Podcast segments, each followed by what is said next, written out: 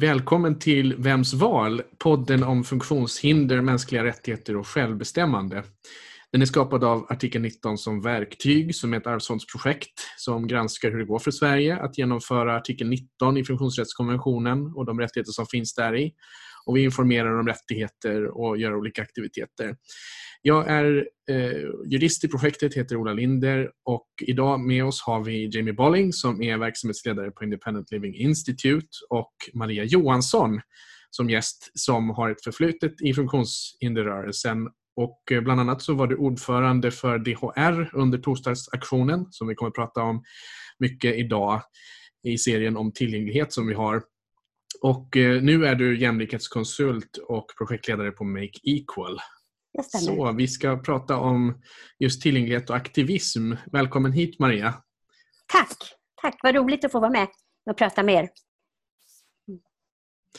Vi nämnde just kort det här om eh, torsdagsaktionen. Ska vi hoppa direkt in i det? Vad, vad, vad var det för någonting och vad, vad gjorde ni? Mm. Eh, det var ju väldigt många turer och det tog väldigt lång tid innan frågan om bristande tillgänglighet som en form av diskriminering av personer med funktionsnedsättning kom upp på, på dagordningen här i Sverige. Eh, och det hade ju varit en rad eh, utredningar som på olika sätt hade nämnt det här. Eh, USA var ju först ut 1990 med ADA, Americans with Disabilities Act. Och det var ja, aktivister, bland annat eh, Lars Lindberg, eh, men också några riksdagsledamöter, ungdomspolitiker, som försökte lyfta den här frågan och ta in den i Sverige. Eh, det hände ingenting. Eh, och den fanns sedan med i direktiven till den stora diskrimineringskommittén som satt i fyra år och tittade på hur man skulle kunna slå ihop de olika... Vi hade, vi hade ju flera olika lagar på diskrimineringsområdet. Eh, hur skulle man kunna lägga ihop det här till en och skulle man kunna då, så som det blev och så som kommittén föreslog, eh, lägga ihop de olika myndigheterna till en myndighet. I den utredningen så fanns frågan om bristande tillgänglighet med igen. Eh, men den lyftes ur i sista stund innan, man, innan regeringen la sitt förslag. Och det var ju någonting som vi från DHR då kämpade hårt med, att man inte skulle lyfta ur det, utan att det skulle få eh, vara kvar och eh, genomföras. Men man ansåg att det inte var tillräckligt utrett.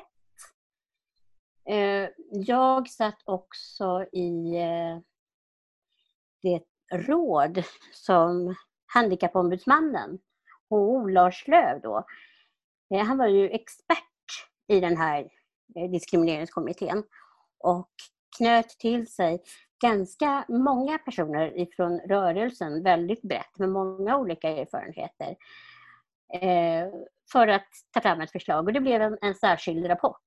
Men trots detta väl genomarbetat förslag, tyckte jag, eh, och många med mig, eh, så valde man att inte gå vidare med det. Eh, utan det man gjorde var att man gav en av de här ombudsmännen som ju då blev av med sin myndighet, Hans Ytterberg, mm. tidigare ombudsman då för homosexuellas rättigheter. Och det var ett väldigt bra val, ska jag säga, att det blev just han. Då fick han ett uppdrag att titta på det här, att jobba vidare med den här frågan. Eh, nu blir det en väldigt lång historia här. Men det har varit så mycket turer kring det här. Eh, och det är väl också ett väldigt tydligt tecken på att det har funnits väldigt mycket ifrågasättande och mycket motstånd och mycket rädsla för att det skulle bli så dyrt. Hans Ytterberg eh, tog sig an det här. Han var ensam utredare. Eh, vi fick veta att den här utredningen var klar. Eh, och vi höll utkik hela tiden, men den kom liksom inte. Eh, den blev aldrig publicerad, den kom aldrig upp på listan över,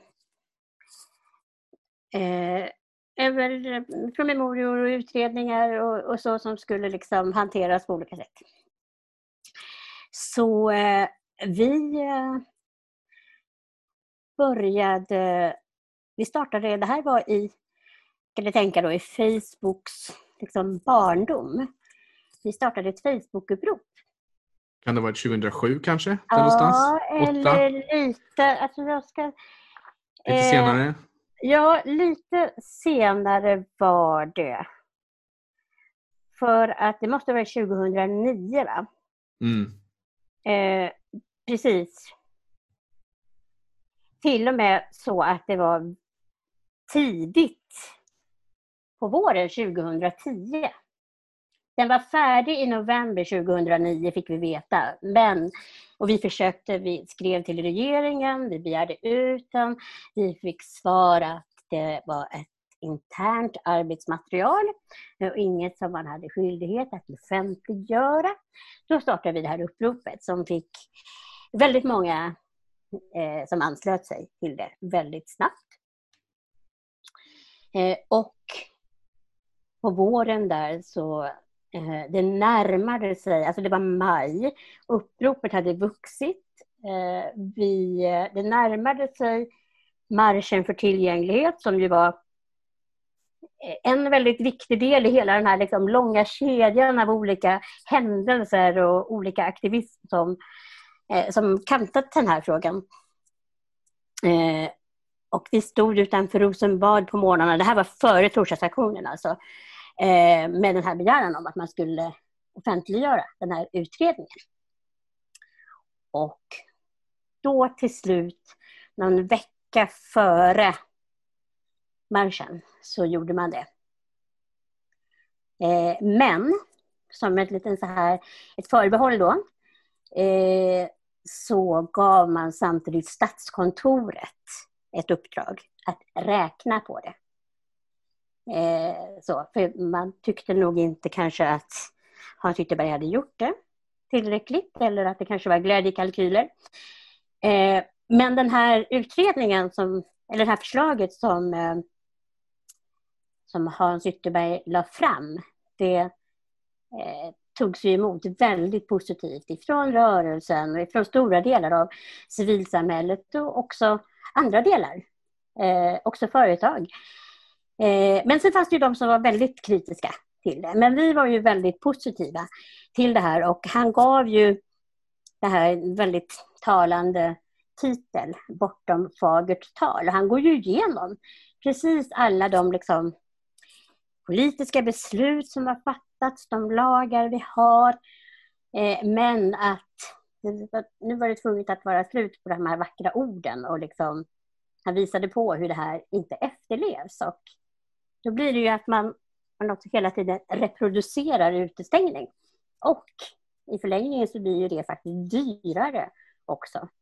Det är ju dyrare och svårare att göra om någonting förutom själva utestängningen som det leder till. Den här skickades sedan på remiss där under hösten 2010. Och då så lät vi dem nog ha lite arbetsro kring de här yttrandena. Eh, men i november 2011 så hade det ju gått ett år. Och då tyckte vi att nu har man haft ett år på sig att gå igenom alla de här remissinstanserna och andras synpunkter. Men vi har ändå inte hört någonting nu måste vi börja påminna om, eh, om det här och liksom få liv i den här frågan igen. Så då började vi från den torsdag som var närmast, ursäkta, internationella funktionshinderdagen. Eh, tror, jag tror den var på lördagen eller någonting sånt. Eh, så två dagar innan då så började vi står utanför Rosenbad och att det heter torsdagsaktionen är ju för att regeringen sammanträder alltid på torsdagar. Klockan 9.00. Utom eh, två torsdagar runt jul och nyår då det inte är något regeringssammanträde. Så är det annars alltid varje varje torsdag eh, klockan 9 eh, och under Almedalsveckan, ett normalt år, inte detta år, eh, så genomförs eh, veckans sammanträde i Visby på eh, residenset där. Eh, och sen någon, någon, gång på grund av helg så, där så är det på en onsdag istället. Men det var därför det kallades för torsdagsaktionen. Så att då så började vi stå mellan klockan åtta och klockan nio när statsråden anlände till Rosenbad. Började vi stå utanför Rosenbad för att påminna dem om den här frågan och om att det hade gått ett år nu. Smart att stå där och då. Det är ju ja. en väldigt bra exponering tänker jag för frågan. Eller? Mm, det är en bra exponering. Eh, det är ju, alltså vi, samtidigt, å ena sidan så nådde vi de som hade makt att förändra. Å andra sidan så var det inte i de slutna rummen. Utan alla som passerade kunde, kunde, liksom, kunde se oss. Vi, vi vände oss utåt. Vi, vi jobbade för att eh, skapa opinion. Eh, annan sån här framgångsfaktor i det hela, eller liksom som, vi, som, vi, som ledde till att vi... Vi resonerade ju jättemycket naturligtvis, men till att vi gjorde, valde att göra som vi, som vi gjorde, det var ju upprepning. Eh, sen visste vi ju inte hur länge det skulle behöva hålla på. Men vi var ju fast beslutna från början att vi kör tills det blir ett resultat. Eh, vi hade hela tiden samma utformning av flygbladen. Det enda som ändrades var antalet dagar som hade gått sedan remisstiden gick ut. Så jag tror att första flygbladet var någonstans 374 dagar eller någonting sånt. Nej, nu, nu tog jag i. Så mycket kan det inte ha varit. 354 kanske. Ja, lite drygt ett år. Och sen då, för varje, för varje torsdagsaktion så fyllde vi på liksom, med så många ytterligare dagar som hade gått sedan förra tillfället. Och att det var ett väldigt enkelt budskap. Eh, koncentrerat. Att vi ville ha den här lagändringen. Det var inte en massa detaljer utan bara just det. Ungefär. Och hur många dagar stod det sen på slutet av aktionen innan ni slutade med den? Ja, det borde jag ju kunna utan till. men jag vet, alltså, vi är så här, torsdagsaktionen höll på i två år och tre månader. Mm. Mm. Det, det är en ganska lång tid, verkligen. Det är en ganska vecka. lång tid och eh, det, alltså det är ju det var, det var väldigt speciellt ska jag säga. Jamie, du var med vid ett av de här allra första tillfällena en sån här väldigt kall morgon. Väldigt eh, kallt. Ja. Blåsigt och kallt. Eh, vid ett tillfälle så hade vi en eh, statstjänstkvinna från Australien som var med. Och det tillfället tror jag det var som allra kallast. Då var det minus 18. Så att, och hon fick ju liksom låna kläder för att klara av att vara med där. Eh, ibland så var vi bara två, tre stycken, framförallt i början. Sen hade vi ju några tillfällen då vi var ja, 500-600. Vid två tillfällen hade vi såna riktigt stora manifestationer. Mm. Eh, och det var ju det var ju fantastiskt att, att med den här liksom gemenskapen och att eh, göra det här tillsammans. Och inte bara vi som var på plats, utan man kunde ju delta via sociala medier, eh, sprida de här budskapen, dela evenemang, dela de bilder vi tog. Alltså, på ett sätt var det väldigt mycket likadant varje vecka. Att vi, vi gjorde ett evenemang på Facebook, vi twittrade väldigt mycket innan, vi bad att folk skulle retweeta, vi, när vi var där så tog vi bilder som vi la ut, vi bad att folk skulle sprida de här bilderna. Så på ett sätt samma sak, samma sak, samma sak. Men det är ju ett brus man ska igenom. Eh, så att, ja. Du vann en pris 2015 för detta. En hederspris läste jag någonstans som Årets lobbyist. Nu hörde inte jag vad du sa, Jamie. Oj, vadå? Vad sen? Nej, det är jag som inte hör. Det är inte du. Utan, nej. Jag sa att um, du vann en pris 2015 för årets lobbyist. Ja, det, det, var, ett hed, det var ett hedersomnämnande från tidningen Resumé. Okay, ja. eh, så, ja, liksom. och det, var ju, det var ju jätteroligt förstås. Men det här var ju ingenting som jag gjorde ensam. Vi var ju jättemånga eh, som jobbade med det här. Så även om jag på något sätt blev mm. lite Men konceptet ja, var väldigt viktigt samordnare. Att repetera och sånt. Det var väldigt viktigt. Men jag tänker, mm. tror du att det bidrog ändå till lagändringen? Det är ju alltid jättesvårt att veta. Eh, jag tror att all förändring kommer utifrån eh, ganska långa processer. Eh, men också att olika saker samspelar. Eh, det har funnits engagerade politiker. Det har, alltså, to, eh, Marschen för tillgänglighet i tio år som de, eh, förutom de allra första åren genomfördes på uppåt 30 orter samtidigt. Ehm, och jo, alltså, i riksdagsdebatten så, så sades det ju att Alltså torsdagsaktionen kom ju upp där och även marschen för tillgänglighet. Och, Eh, jag har ju hört efteråt att, att man äntligen då släppte utredningen där i maj 2010 berodde på att det här uppropet hade blivit så stort i kombination med att man visste nu var det dags för marsch alldeles strax igen. Eh, så att jag tror att allting tillsammans, att allting samspelar på något sätt. Ja, det har du rätt. Det, skulle jag tro. det tycker jag också, eller tror jag också. Jag tänker när vi pratar om tillgänglighet, vad betyder det för dig egentligen? Mm. Eh, jag... Eh, alltså det, det, det, betyder ju egentligen möjligheten att kunna, att kunna använda, att inte bli begränsad av miljön, men egentligen inte bara miljö utan av sånt som vi människor faktiskt kan påverka. Eh, och i i tillgänglighet, alltså det handlar ju naturligtvis om fysisk miljö, hur vi bygger våra hus, hur vi anlägger våra utområden, hur, vilka, hur, hur fordonen i, i eh, transportsystemet ser ut. Men det handlar ju lika mycket om eh, möjligheten att kunna kommunicera, ha tillgång till att kunna kommunicera. Ha tillgång till information på olika sätt. Eh, och förutom då det här med den fysiska miljön kommunikation och information så är det ju, eh, alltså det är ju i diskrimineringslagen, i den här förändringen som sen då blev, så definierar man en fjärde form av tillgänglighet och det är Eh, personlig service. Som för första gången eh, nämns då som en form av tillgänglighet. Och eh, det var ju en stor framgång utifrån eh, synskadade.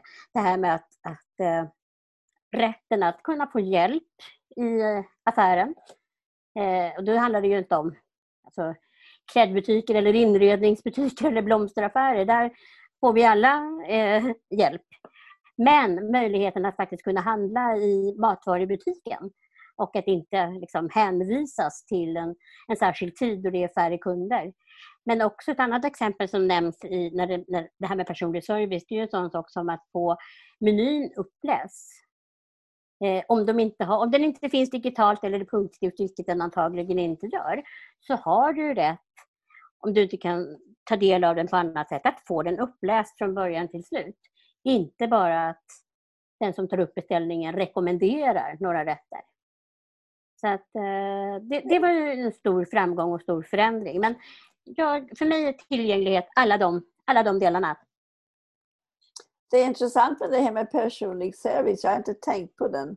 Jag är inte så insatt ibland som jag skulle behöva vara, tror jag, när du säger så. Men finns den i alla länder? Så det är det bara Sverige som har det, eller är det flera länder som har det? Vet du det? Något att titta på i framtiden? Nu vet, jag vet inte det, men jag tror att det... Eh, alltså det är ju olika avgränsningar och olika nivåer och alla, alla diskrimineringsförbud eller möjligheten att anmäla bristande tillgänglighet ser ju inte likadant överallt. Jag kan inte riktigt svara på det på ett säkert sätt. Då är risken att jag säger någonting felaktigt.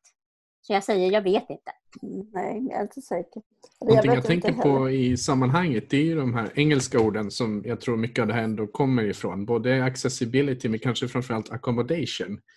Som ja. jag inte tycker att vi har mm. ett jättebra svenskt mm. ord för. Men att det handlar inte nödvändigtvis om någon sorts särlösning utan det handlar om att tillgodose möjligheter för ja. alla att kunna delta eller vara mm.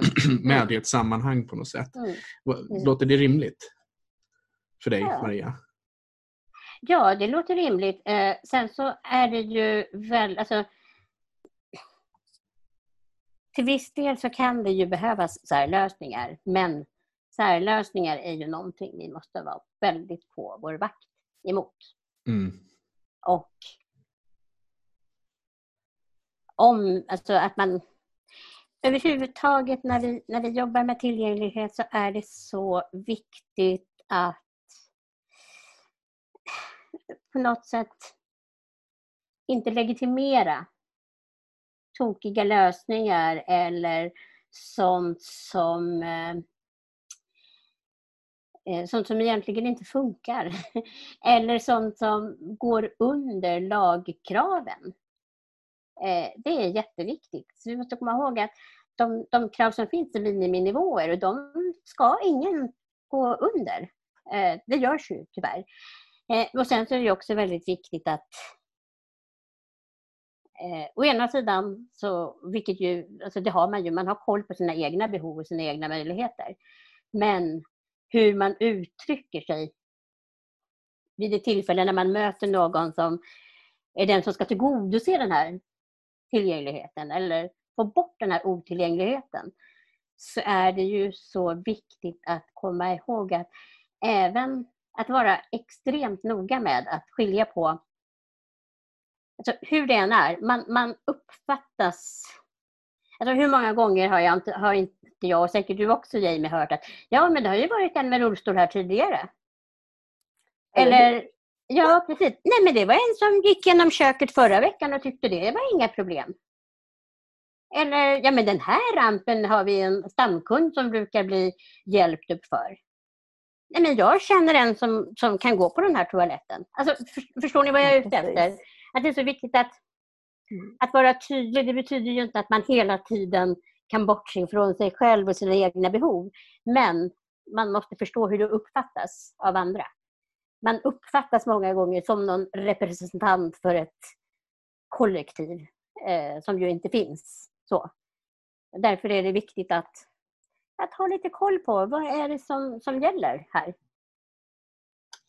Upplever du att folk har mer koll med, med tiden som går eller går det baklänges? Nej, jag tycker nog att alltså, jag tycker att hela frågan om tillgänglighet går bakåt. Tyvärr, det tycker jag också. Mm, det tycker jag. Mm. En annan fråga, är du nöjd med den diskrimineringslagen som vi har idag eller hur skulle du vilja ändra den? Eh, alltså, det, det, var ju en stor besvikelse. Alltså det var ju väldigt blandade känslor när det, när det här förslaget till slut lades. Eh, å ena sidan så var vi jätteglada över att det äntligen hände. Att det blev det här erkännandet att otillgänglighet faktiskt kan vara diskriminering så som vi ju liksom vet och känner in på bara kroppen och liksom har i hela vårt system och vet om. Att det faktiskt eh, blev så också juridiskt möjligt att testa det. Eh, men det här undantaget som fanns de första åren, det var ju så dumt, så dumt, så dumt. Eh, att då eh, näringsidkare med färre än tio anställda skulle undantas. Och jag, jag vet ju, alltså Erik Ullenhag som var ansvarig minister, han, han, han var ju tydlig med att det var liksom, och jag tror, jag tror absolut på den analysen, att det var det enda sättet där och då att få igenom en förändring överhuvudtaget. Att få med de andra Eh, partierna i regeringen på det här. Framförallt att få med eh, Finansdepartementet på det här. Eh, och det är klart, det kan man alltid fundera på. Är det, är det värt att gå ett litet steg i taget om man inte kan få det hela eller inte? Men som tur var så försvann ju det undantaget. Men det där undantaget har ju varit väldigt, väldigt olyckligt därför att det, och det upplever jag, det, det börjar väl försvinna nu, men det blev ju något sorts missförstånd om att eh, det inte bara handlade om diskrimineringsformen utan att eh, plan och bygglagen inte gällde eh, företag med färre än tio anställda. Eh, eller de andra regelverken vi har för tillgänglighet av olika slag. Så att det var väldigt tokigt. Eh, sen en annan, en annan sak som blev väldigt mycket missförstånd och som jag upplever att det fortfarande finns eh, missförstånd i det här eh, rekvisitet varaktighet. Eh, som då lades till eftersom det fanns ju det fanns ju krav på skäliga stöd och anpassningsåtgärder redan sedan tidigare på arbetsmarknadsområdet och på högskoleområdet. Och för att det liksom inte skulle minska i kraft när man flyttade in det nu i den här diskrimineringsformen. Så att liksom det skulle fortfarande vara lika höga krav på arbetsgivare och på högskolan. Så la man till det här med varaktighetsrekvisitet.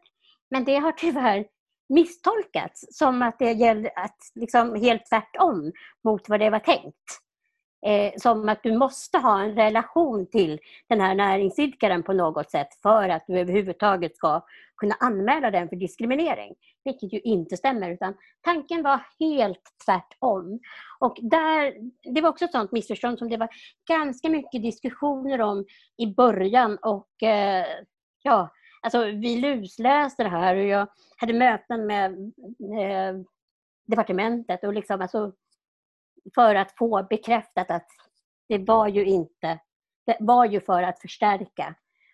Och sen så blev det ju också, den här förstärkningen gäller ju hela skolområdet, hela, alltså hela utbildningsområdet, inte bara högskolan, utan också grund och gymnasieskolor och hela, hela utbildningsväsendet.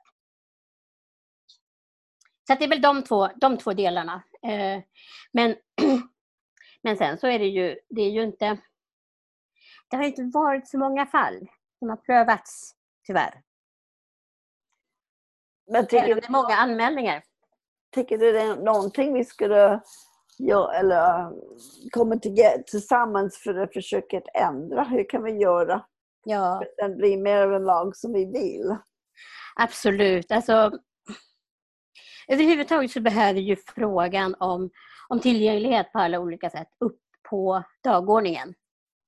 Eh, det är så kortsiktigt och det är så emot både alltså de funktionshinderpolitiska målen, emot konventionen, emot Agenda 2030, emot hela eh, klimatfrågan och frågan om ett hållbart samhälle när vi fortsätter att göra fel. Alltså, det är en sak med de gamla felen, men när vi fortsätter göra nya fel som utestänger människor. Och det var det jag var inne på från början, att alltså det som vi människor skapar, det har vi ju faktiskt all makt i världen att göra så bra som möjligt och för så många som möjligt. Och kunskapen finns ju om man efterfrågar den. Eh, det finns jättemånga som är superduktiga på tillgänglighet av olika slag och som kan... Men man måste ta in den, den kunskapen. Man måste från politiskt håll efterfråga och inte bara förutsätta att det funkar av sig självt. Eh, och man måste, alltså en annan sak som vi, där vi ju inte använder, det är ju upphandling, eh, upphandlingsdirektivet. Som är väldigt tydligt om att allt som upphandlas för att användas av människor ska fungera för människor. Eh, det, alltså det är så långt bort ifrån medvetenheten, tyvärr. Både på tjänstemanna och politisk nivå i Sverige. Så det finns väldigt mycket, men det behöver användas och det behöver bli ett tryck på att använda det. Och eh, Jag tänker också, alltså, om vi nu pratar då exempelvis byggd miljö, så kan man ju anmäla samma liksom, fel utifrån flera, på flera olika sätt. En sak som diskriminering. Men är det någonting som är nybyggt så har man tio år som man kan anmäla det som ett byggfel. Och bedöms det vara ett byggfel så ska det rättas till. Och sen har vi då enkelt avhjälpta hinder och där har vi ju fortfarande att det tillskapas nya enkelt avhjälpta hinder när man gör nya miljöer. Och det är viktigt att de då inte anmäls kanske som enkelt avhjälpta hinder utan i så fall också samtidigt som ett byggnad, byggfel. Därför att hur det än är, tillgänglighet, alltså nivån, kravnivån är lägre på enkelt avhjälpta hinder än vid nybyggnation. Så att, ja, det finns jättemycket och vi borde vi borde dra igång några stora aktioner kring att anmäla, att uppmärksamma byggprojekt. Eh, ja. Men också, oh, det är bara att titta nu här på, på den här speciella tiden som vi lever i. Eh, hur den här 1177, sjukvårdsupplysningen, kan man inte komma i kontakt med om man inte kan prata i telefon. Alltså, det finns inte någon chattfunktion och det finns ingen mejlfunktion. Så den som inte hör eller har nedsatt hörsel, den som är döv eller har hörselnedsättning kan inte få hjälp där. Eh, det var ju ganska många olika såna här presskonferenser innan det till slut blev så att de blev eh, teckenspråkstolkade och textade. När regeringen har presskonferens fortfarande. Är det så? När man har presskonferens som sänds ifrån Rosenbad så är den inte teckenspråkstolkad. Eh, och oftast tror jag det är så att den är textad men i efterhand. Alltså, det finns så mycket att göra där vi har eh, både lagen och besluten och internationella åtaganden på vår sida. Så vad är nästa steg? Det är att samlas eller är det något annat? När du pratar om det, när du säger det, jag kommer ihåg när man plötsligt såg teckenspråkstolkare till um, de här pressträffarna. Man sa, aha, nu har de förstått, någon har tryckt på. Men att det är inte automatiskt. Hur kan man göra för att öka medvetenhet Mm. Det, måste vara, det måste kosta så dyrt och regeringen ska betala annars Nej men precis. Ja, men exakt. Och det här är ju en, en debatt som är uppe. Alltså både STR och HRF jobbar ju med, med tillgängligheten till eh, public service hela tiden och har gjort eh, i många år. Men nu är den ju, som liksom förra sommaren, högaktuell igen, det här med, med sommarpratarna. Eh, som eh, man då från Sveriges Radio inte tycker att man har någon skyldighet att uh, ja, tillgängliggöra därför att man, man jobbar med ljud. Alltså det, det, är så, det är så märkligt resonerat och samma sak där. Vi skulle kunna, eller hur Ola, plocka fram hur många olika saker som helst som stöttar det, den rätten att få tillgång till, eh, till det. Och då är det ju nu då utifrån... Mm. Nej, men naturligtvis. Det är ju så att det är ett visst arbete med att texta sådana här saker. Det är någonting vi märker också när vi spelar in den här podden. Att eh, vi mm. skulle ju kunna göra den tillgänglig bara precis efter om vi bara släppte ut ljudet. Men vi har ändå kommit fram till att vi vill inte stänga ute vissa människor som inte kan ta till sig ljudet via högtalare eller så, utan vi, vi, vi, transkriberar de här poddarna och det tar ju lite tid men vi tycker att det är en självklarhet för oss i ett projekt mm. som handlar om rätten till självbestämmande och att kunna ha val och kontroll i sitt liv oavsett vem du är. Så eh, kopplat till det här så har vi både en rådgivningsfunktion där vi får in en del eh, verkligen olikartade ärenden om både tillgänglighet och andra saker som till exempel eh, tillgång till personlig service som personlig assistans, ledsagning och så vidare. Där finns det också problem. Och Jag tänkte jag skulle fråga det också till dig när vi ändå pratar i just den här podden om det här med tillgänglighet. Hur ser du på tillgänglighetsfrågan kopplat till möjligheten till val och kontroll? Att kunna vara självbestämmande. Nej, men det är klart att det hänger ihop. Det ja. hänger ihop i allra högsta grad.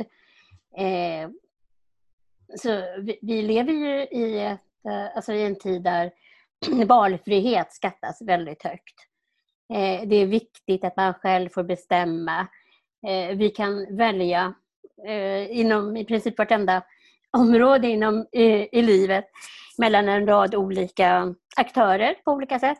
Eller ja, miljöer. Eh, och, och, vi som bor i en, en, en, storstad har ju ännu, ännu fler valmöjligheter. Men eh, om man har behov av tillgänglighet av något slag så har man inte samma valfrihet eller valmöjlighet. Och det börjar ju redan från början. Det handlar ju om alltså, om du som förälder har barn på förskola så måste du säkerställa att den förskolan funkar utifrån dina tillgänglighetsbehov.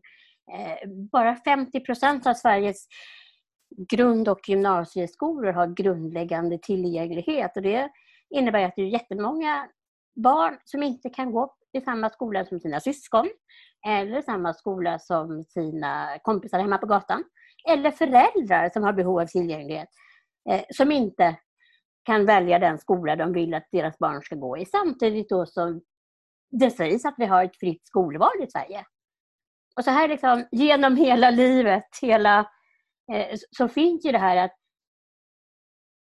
tillgängligheten och användbarheten är ju det, liksom, det första på något sätt.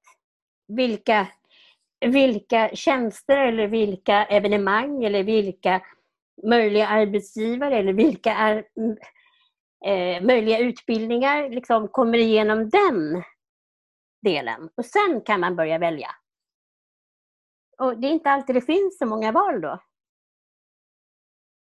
Ja, precis, jag tänker också på just det här med tillgänglighet. Vi pratade lite grann om det i en tidigare, ett tidigare poddavsnitt, just om att eh, alla människor har ju behov av tillgänglighet till mm. olika saker. Sen har vi alla olika förutsättningar. Och eh, om, om eh, det byggs en, till exempel, det är en omtalad trappa nu i Stockholms stad, i Rinkeby här, som har invigts med, med stort pompa och ståt och sådär. Mm. Och det skulle förbättra tryggheten och tillgängligheten och sådär.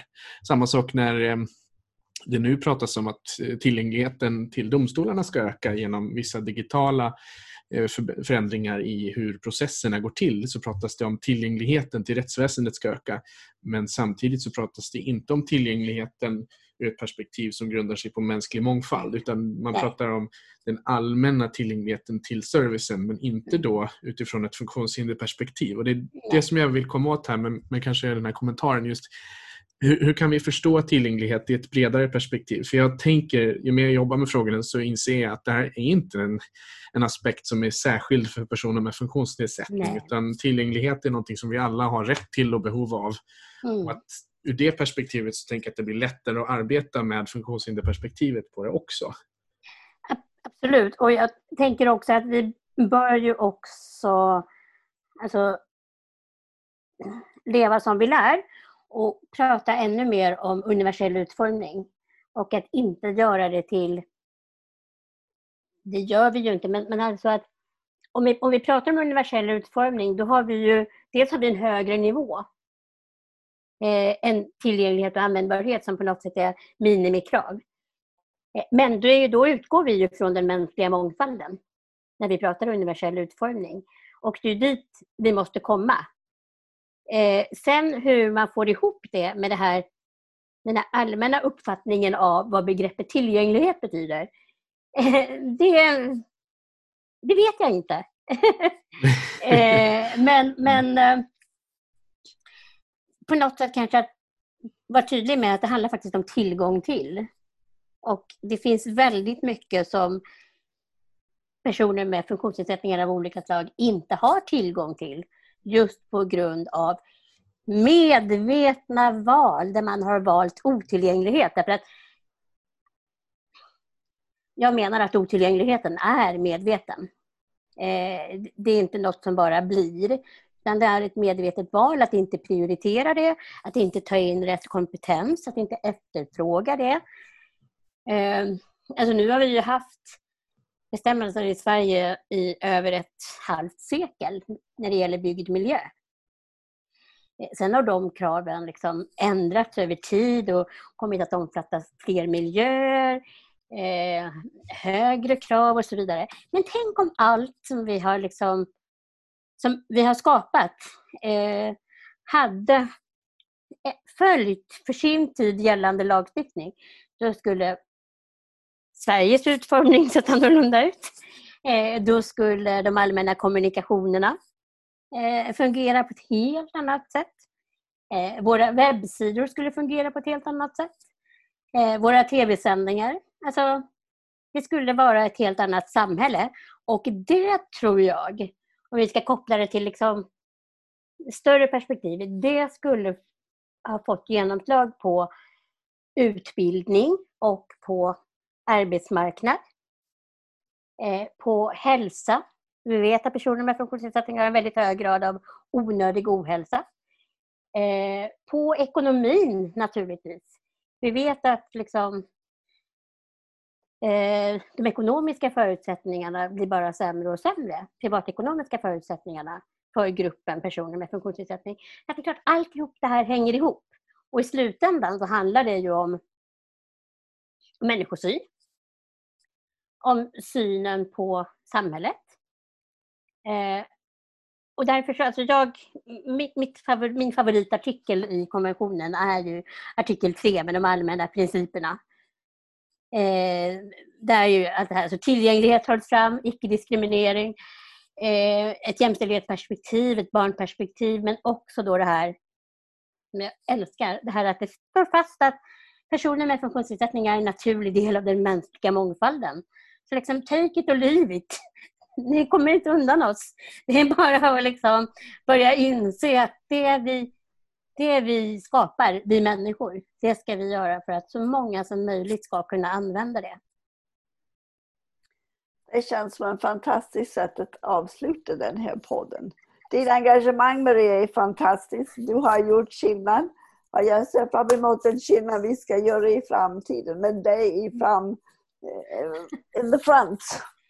Tillsammans, tillsammans förändrar vi. Tack, tack, tack ska du ha. Tack, tack. Olle, tack Maria. Ja, tack så jättemycket. Jätteroligt att få vara med och få prata med er. Mm.